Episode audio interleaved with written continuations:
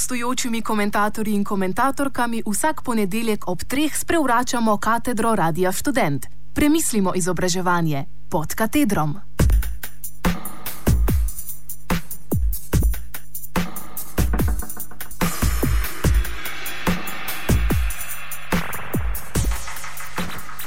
Govoril bomo o neprisebnosti univerze.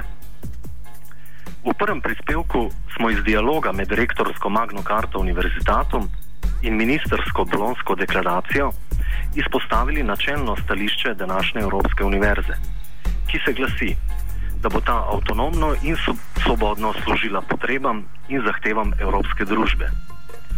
Iz tega se nam rektorska Magna Carta univerzitetom kaže kot univerzitetna Magna Carta Libertatum, s katero se je Evropska univerza osvobodila lastnih smotrov kot sta izobraženost študentov in svoboda raziskovanja.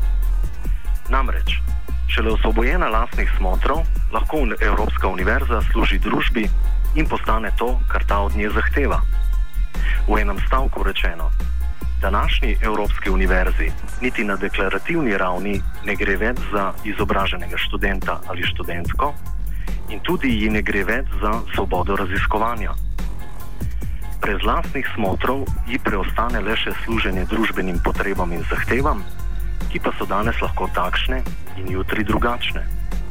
Danes bi, na primer, družba potrebovala nekoliko več tehnično usposobljenega kadra in morda bi prav prišel tudi krajši študij in hitrejši dotok diplomantov na trg dela.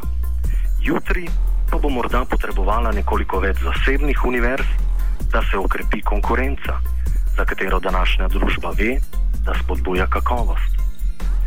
Jasno je, da potrebam in zahtevam družbe ni in ne bo konca, saj je njihova narava nezamejenost, kar pa ne drži za smotre univerze. Smotri univerze so tisto, zaradi česar vse ostalo v povezavi z univerzo, zaradi česar sploh univerza.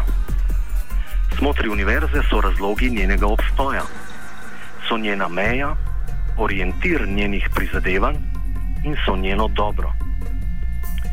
Ukolikor evropski družbi ne zadošča avtonomna univerza, ki bi sledila lastnim smotrom, to je lastnemu dobremu, če ji ne zadošča izobraženost študentov in z zakoni zamejeno znanstveno raziskovanje sveta, potem zahteva in potrebuje nekaj manj, nekaj več ali pa nekaj drugega kot je univerza.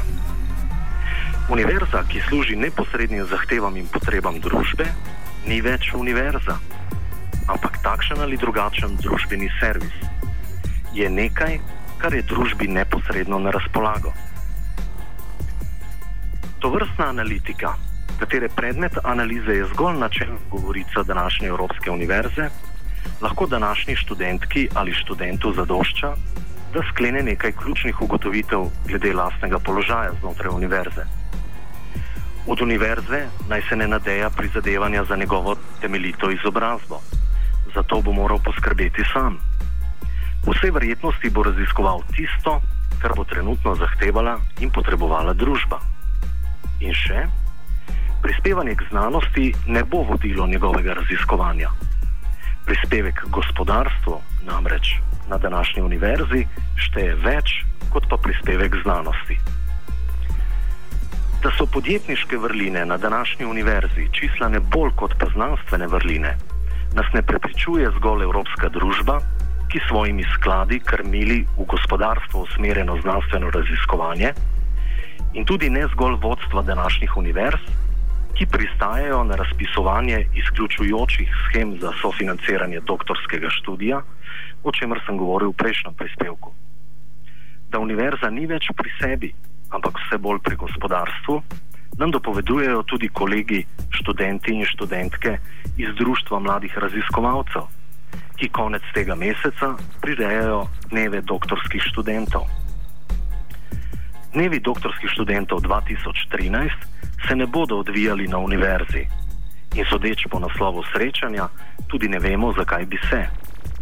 Odvijali se bodo na gospodarski zbornici.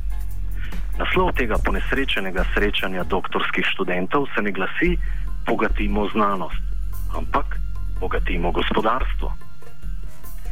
Na okroglih mizah Dneva doktorskih študentov 2013 se ne bo razpravljalo o problemih univerze ter znanosti, kot da ti ne bi obstajali. Kramljalo se bo o podjetniških izzivih, naprimer o ustanovitvi spin-off podjetij, o načinu pridobivanja finančnih sredstev za zagon podjetja in podobno.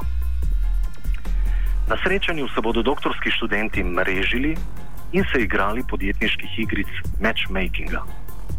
Za predstavitev svojega raziskovalnega dela bo posamični doktorski študent imel na voljo dve minuti. Znanostjo in raziskovanjem pa se bodo verjetno ukvarjali kdaj drugič, če sploh. Razloge za to vrstno neprisebnost današnje univerze ni potrebno iskati izven univerze.